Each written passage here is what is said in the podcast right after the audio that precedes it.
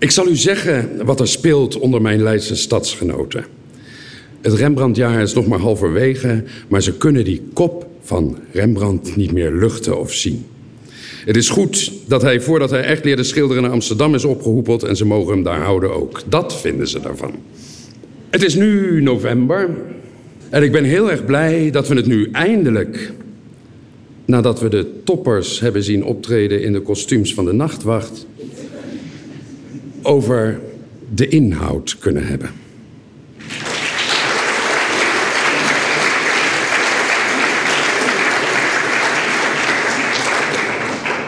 Dames en heren, eindelijk, ten lange leste, zijn we aanbeland bij het hoogtepunt van dit helse Rembrandtjaar. En daar wil ik graag een paar woorden aan wijden. Als je de reputatie van een groot kunstenaar wilt bezoedelen en de liefde voor zijn werk wilt doen verdampen, zijn er nauwelijks effectievere methoden denkbaar dan het organiseren van een herdenkingsjaar. Zelf ben ik nog steeds niet over het Mozartjaar heen. Dat was in 1991, maar toen werd zijn muziek ons met zulke agressie door de strot geduwd dat ik deze tot op de dag van vandaag niet meer kan horen. Ik ben buitengewoon dankbaar dat Elvis nog leeft. Want anders zouden ze die ook ongetwijfeld van mij afnemen met een jaar vol onvergetelijke evenementen. Terwijl dit Rembrandtjaar voor iedereen zwaar was, was het voor onze stad Leiden wel in het bijzonder tragisch. Rembrandt is in Leiden geboren. Tot grote vreugde van Leiden City Marketing. En het is onnodig dat ik u daaraan herinner, want de band met de stad, van de stad met de schilder kan niemand zijn ontgaan. Al in de afgelopen zomer schreef ik daar een column over op de achterpagina van NRC Handelsblad. En ik citeer daar graag een klein stukje uit. Ik zal u zeggen wat er speelt onder mijn Leidse stadsgenoten. Het Rembrandtjaar is nog maar halverwege, maar ze kunnen die kop van Rembrandt niet meer luchten of zien. Het is goed dat hij, voordat hij echt leerde schilderen, naar Amsterdam is opgehoepeld en ze mogen hem daar houden ook. Dat vinden ze daarvan. Het feit dat Leiden zich tot de dag van vandaag verstopt heeft weten te houden voor de touringcars en gemutste horden, is misschien wel de grootste rijkdom van de stad. En ondanks dat lijkt het zelfs nu wel elke zaterdag braderie en vult de stad zich met dagjes mensen uit de onderbedeelde ommelanden die mijn terrassen en restaurants bezetten. Als ik weer eens in Leiden ben, is er gegarandeerd een evenement dat de waardigheid van de stad degradeert tot een slenter- en snackzone voor de armen van geest die zich geen raad weten met hun overvloed aan vrije tijd. Willen we dat dan nog erger maken?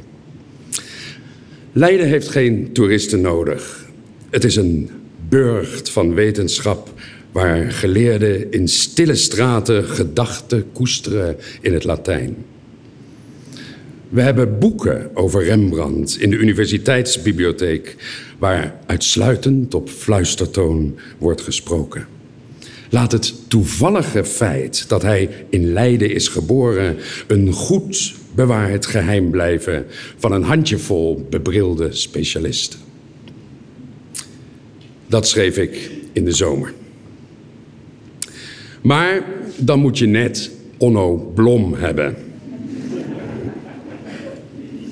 Hij kan met nog meer charisma dan Jeroen Krabbe voor de televisiecamera door Leidse grachten varen. En hij zal het raadsel van Rembrandt wel eens ontsluieren voor de onwetende mensheid. Om iedereen erop te wijzen dat ze nooit iets zullen snappen van Rembrandt of van het leven als zodanig. Zolang ze niet in Leiden zijn geweest.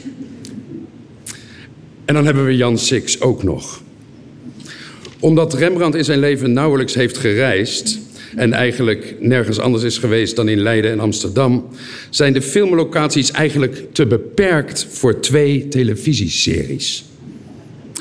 Als je goed kijkt, zie je Onno Blom en Jan Six dan ook af en toe door elkaars beeld lopen.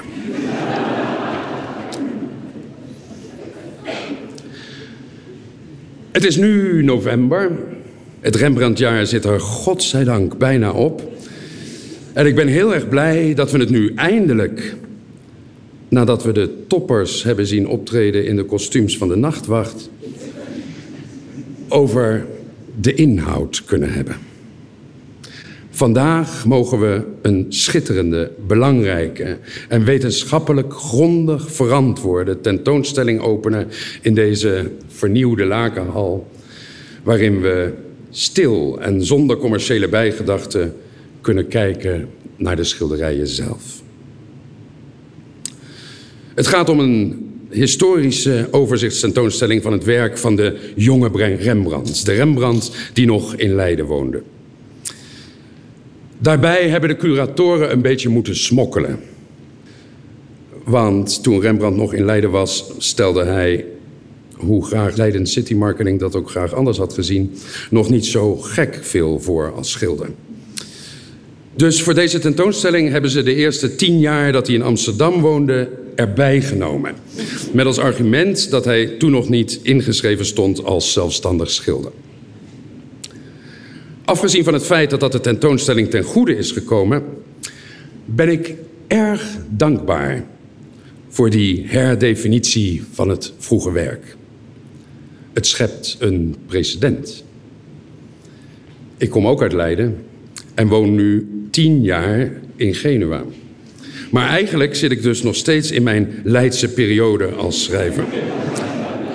Het stelt me erg gerust dat dit nog steeds mijn vroege periode is en dat ik de jonge vijver mag worden genoemd. Anders dan ik en anders dan de meeste van zijn collega's is Rembrandt nooit in Italië geweest. Weinig mensen weten echter dat dat weinig had geschild. Sterker nog, mijn stad Genua zou bijna een schilderij van Rembrandt hebben gehad. Ik sta sinds mijn laatste roman Grand Hotel Europa bekend als kenner van het mysterieuze verdwenen schilderij van Caravaggio. Het is ook niet zo heel moeilijk om kenner te zijn van een schilderij dat is verdwenen, dat geef ik toe. Maar ik geef u vandaag bij de gelegenheid van deze feestelijke opening een primeur. Er is ook een verdwenen schilderij van Rembrandt. Het zit als volgt. We zijn in de jaren 60 van de 17e eeuw. Rembrandt is dan op leeftijd. Zijn business heeft betere tijden gekend. Hij zit in een klein gehuurd huisje aan de Rozengracht in Amsterdam. Francesco Maria Sauli, die later doge zou worden van de Republiek Genua, had commerciële belangen in Amsterdam. Hij kende het werk van Rembrandt en hij gunde hem de buitengewoon prestigieuze opdracht om het altaarstuk te schilderen voor de basiliek van Carignano, die op dat moment werd gebouwd in Genua. In 1666 stuurde hij drie afgezanten naar het atelier van Rembrandt: een scheepskapitein en twee commerciële agenten. De onderhandelingen duurden enkele maanden. De afgezanten uit Genua bezochten het huisje aan de Rozengracht verschillende keren, maar er kon geen overeenkomst worden gesloten over de prijs. Rembrandt vroeg telkens meer. Terwijl Sauli eigenlijk niet meer wilde betalen dan 500 gulden, verhoogde Rembrandt tijdens de onderhandelingen zijn prijs van 1200 naar 3000 gulden. Uiteindelijk werden ze het eens over een bedrag van 1000 gulden.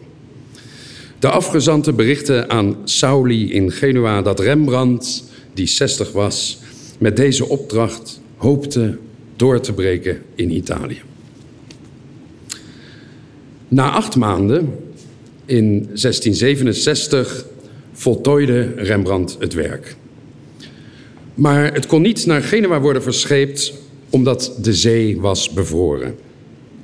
Nadat de dooi had ingezet, vertrok het Genuese schip met het schilderij aan boord uit de haven van Amsterdam. De vraag is wat er vervolgens is gebeurd.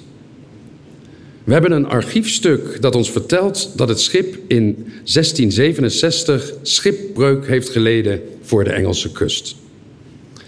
Anderzijds zijn er documenten in het archief van de kerk die lijken te suggereren dat het doek in Genua is aangekomen. Maar in dat geval is het onduidelijk waar de Genuese Rembrandt is gebleven.